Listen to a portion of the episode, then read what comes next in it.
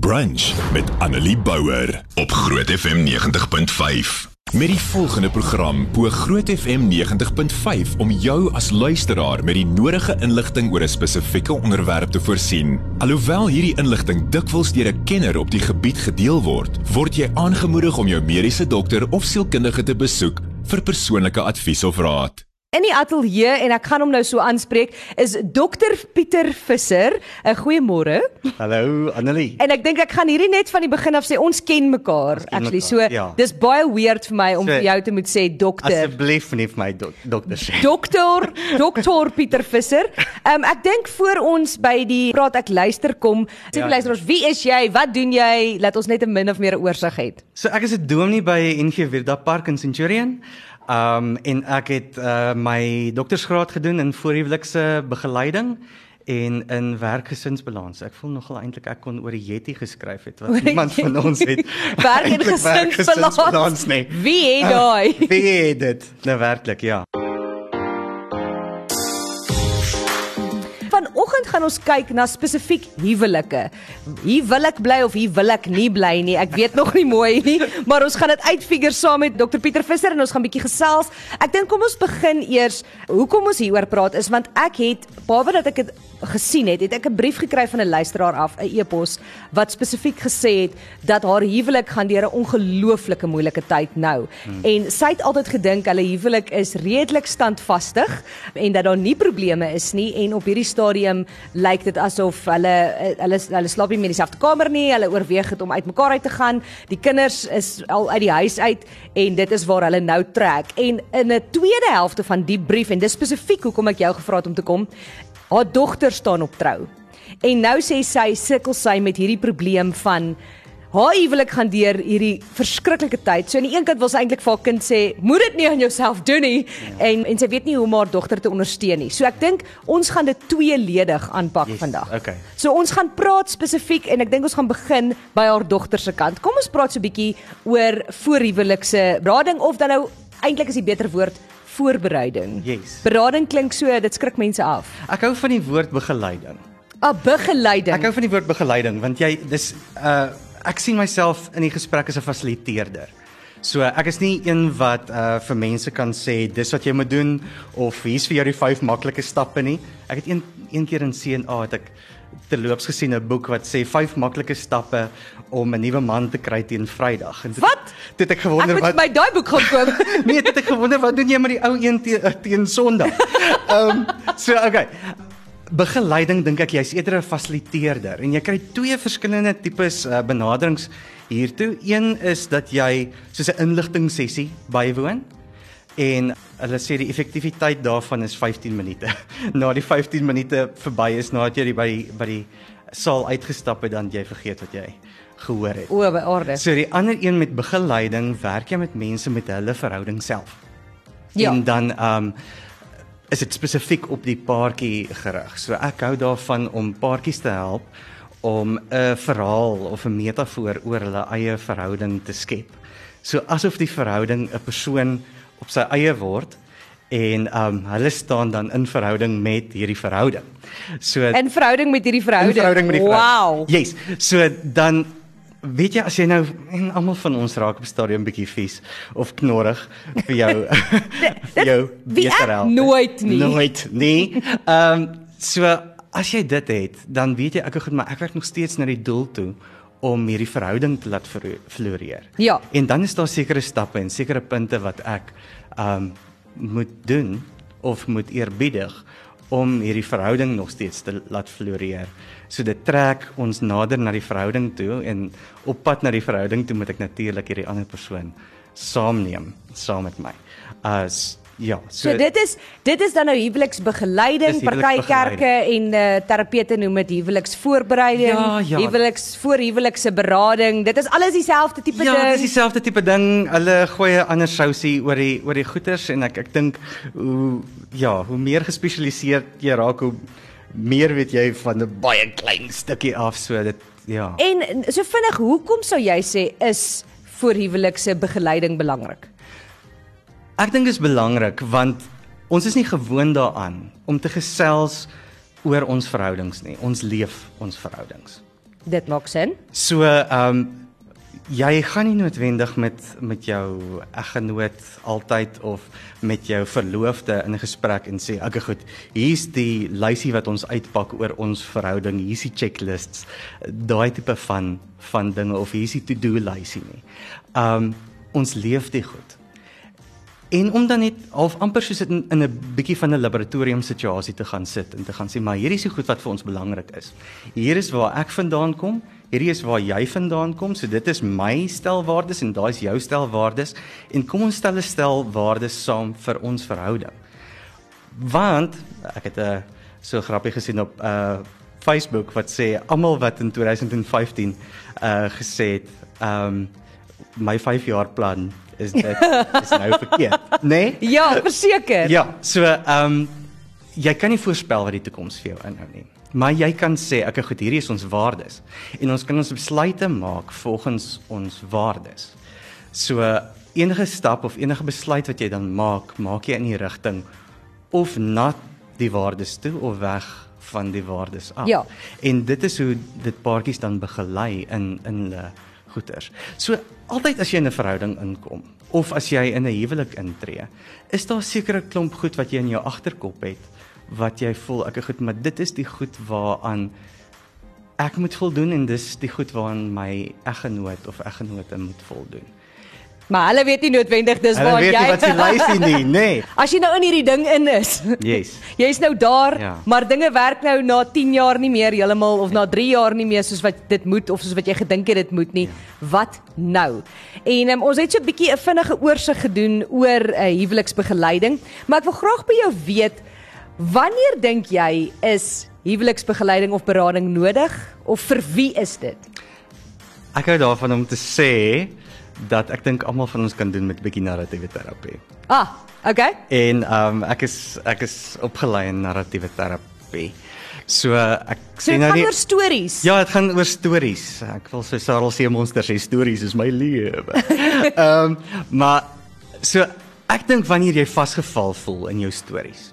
Wanneer jy voel hierdie storie het nie vir my meer 'n uitkomkans vorentoe nie, wanneer ek vasgevang voel daar en ek sien nie 'n toekoms vorentoe nie en dit kan ook wees dat as ek sien uit my verlede verhaal dat ek 'n verlede verhaal het wat nie vir my lekker was nie en ek nie wil herhaal nie en in my huidige omstandighede sien ek my toekoms gaan daai verlede verhaal herhaal dan dink ek is dit 'n goeie tyd om by 'n uh, beraader uit te kom om te gesels oor jou verhouding.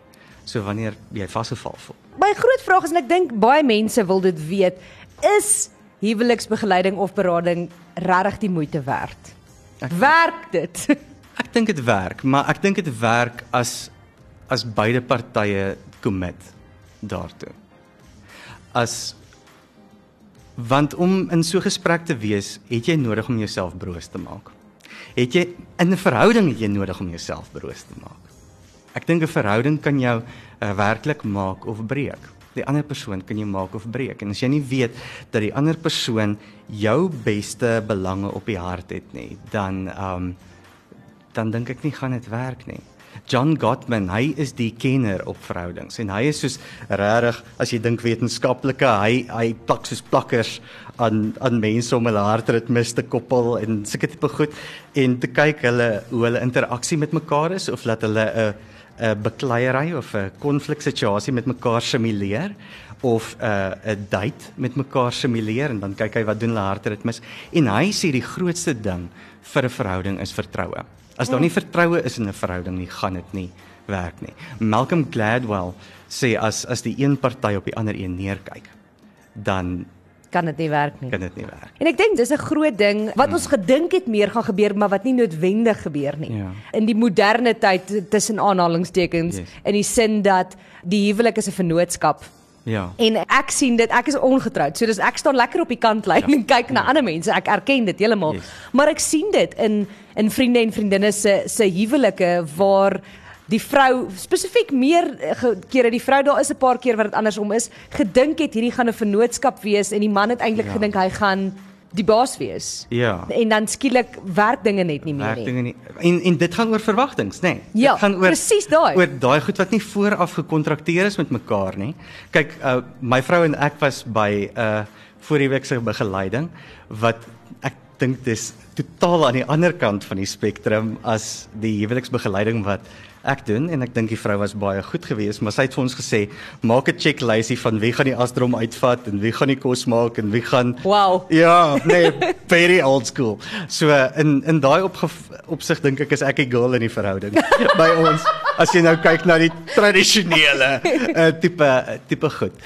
Ek help paartjies eerder om te kyk na die operating system van hulle verhouding. Ek kyk Kan huweliksberading, Ja. kyk ons ons sien huweliksberading as iets wat jy doen wanneer daar nou groot fout is, Ja. reg? Ja. Maar kan huweliksberading gebruik word as 'n uh, hierdie is die tyd een keer in 3 maande, een keer in 'n jaar, een keer in wat ook al wat ons net bietjie by mekaar incheck. ek dink dit kan baie goed wees. As jy soos ek vroeër gesê het, Soos na 'n beraader toe gaan en sê, weet jy wat, Exactly. daar's nie foute in ons huwelik nie, mm. maar ons kom nie by mekaar uit nie. So Ja. ons het net eintlik bietjie daai En ek dink dit kan dit kan baie goed wees.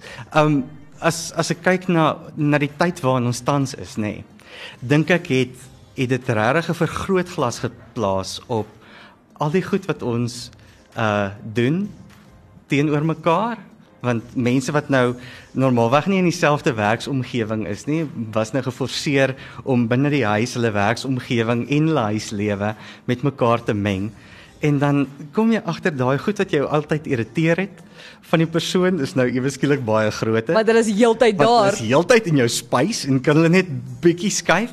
Um so ek dink dit het 'n werklike vergrootglas gesit op die goed en dat dit nodig is dan om van tyd tot tyd met mekaar te gaan gesels en te sê ek goed maar hierdie werk nie noodwendig vir my nie. Iemand het op 'n stadium vir my gesê en ek ek is so dankbaar eintlik vir die onderskeid wat hulle gemaak het. Daar's 'n verskil tussen konfrontasie en konflik.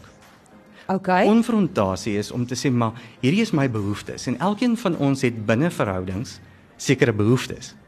En dat ek daai behoeftes die vrymoedigheid kan hê om dit in my verhouding teenoor die ander persoon uit te druk en te sê maar ek het hierdie verwag van ons verhouding.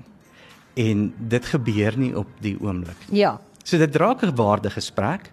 Um maar voordat ons dan by konflik kom.